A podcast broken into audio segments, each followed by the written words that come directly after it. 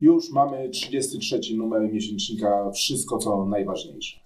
A w najnowszym numerze przeczytacie Państwo m.in. noblistę profesora Józefa Stiglitza o tym, że dzisiaj świat, świat pandemii jest światem ogromnych nierówności.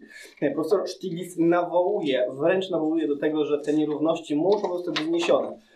A jak? O tym przeczytacie Państwo właśnie w okładkowym tekście najnowszego e, wydania. Podobnie o świecie po pandemii pisze e, Mike Pence, były wiceprezydent Stanów Zjednoczonych, który chwali kraje Europy Środkowej, kraje Europy Środkowo-Wschodniej, mówiąc, że bronimy my jako Polacy, my jako Węgrzy, my jako Europejczycy Środkowi swojej suwerenności bazując na rodzinie. Y, zahaczamy też o dyskusję, która przetoczyła się w Polsce o klasie średniej.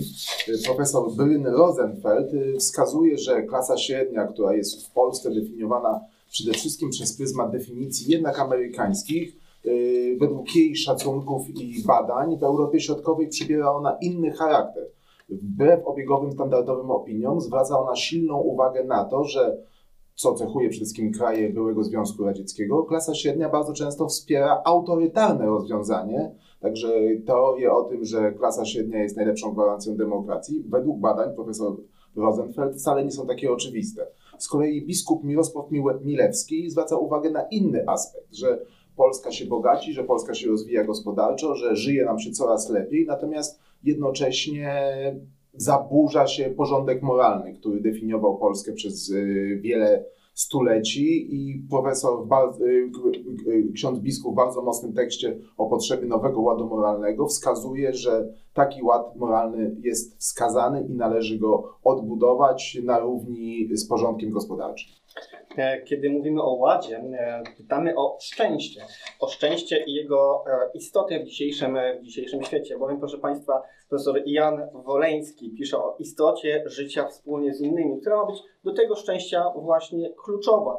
Profesor Woleński pisze, że choć zwykli ludzie potrafią porozumieć się na temat szczęścia, praktycznie codziennie, wiedzą czym szczęście jest, to filozofowie ciągle walczą o naturę szczęścia, o to, jaka jest prawdziwa natura szczęścia i to, pytają o to, co to szczęście powoduje, co przynosi e, ludziom szczęście. Jednocześnie w tym bloku tekstów publikujemy również bardzo mocny tekst e, profesora Jervisa. Profesora Jervisa, który mówi, e, który dziękuję internetowi, dziękuję globalnej sieci, która przecież wielu unieszczęśliwa. Dziękuję globalnej sieci za ten ostatni rok.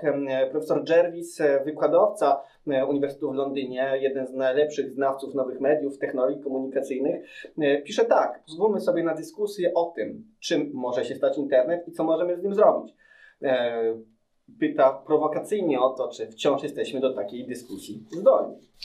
Od roku, od ponad roku Polska żyje konfliktem na Białorusi.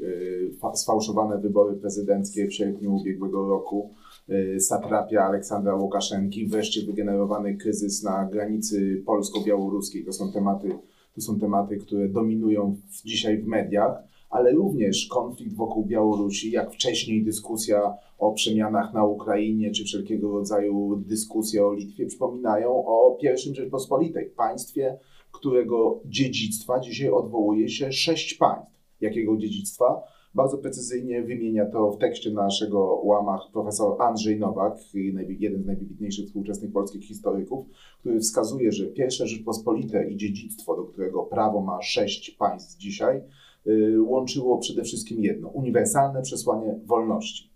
Te wątki rozwija profesor Mikołaj e, Malinowski, historyk ekonomii z Uniwersytetu Groningen e, w Holandii, który pokazuje, w jakich e, fundamentach gospodarczych była zbudowana pierwsza Rzeczpospolita. Precyzyjnie wskazuje również, dlaczego te fundamenty gospodarcze zostały podmyte i co doprowadziło do rozpadu tego państwa i czasów zaborów. I też wskazuje w bardzo mocnej puencie, że pierwsza Rzeczpospolita była silna, gdy Polacy gdy mieszkańcy I Rzeczypospolitej Królestwa Obojga Narodów myśleli o sobie jako o wspólnocie. Gdy ta wspólnota zaczęła pękać, pękło również państwo. I cóż, kiedy mówimy o e, starej Rzeczpospolitej, o historycznej Polsce, trudno nie wrócić do Krakowa, e, stolicy w końcu e, Rzeczpospolitej obojga narodów, jednej z stolic. Z Krakowa profesor Zofia Gołubiew, była dyrektor Muzeum Narodowego w Krakowie, pisze o Józefie Czapskim, o opowieści opowieść, to opowieść o kolekcji, która przewędrowała całą Europę, to opowieść o kolekcji, która mówi o człowieku, który był dziedzicem tej e, Rzeczpospolitej, był jednym z ostatnich przedstawicieli pokolenia e, starej Polski, pokolenia, które było niezwykle dobrze wykształcone, niezwykle dobrze wykształcone kulturalnie, odnajdywało się na salonach całego świata. I Józef Czapski, pisząc o Józefie Czapskim, e, e, e, e, pani dyrektor Gołubiew e, odwołuje się właśnie również do tego e, europejskiego dziedzictwa tego e, pisarza i malarza. No i cóż, zapraszamy. Zapraszamy do wydania.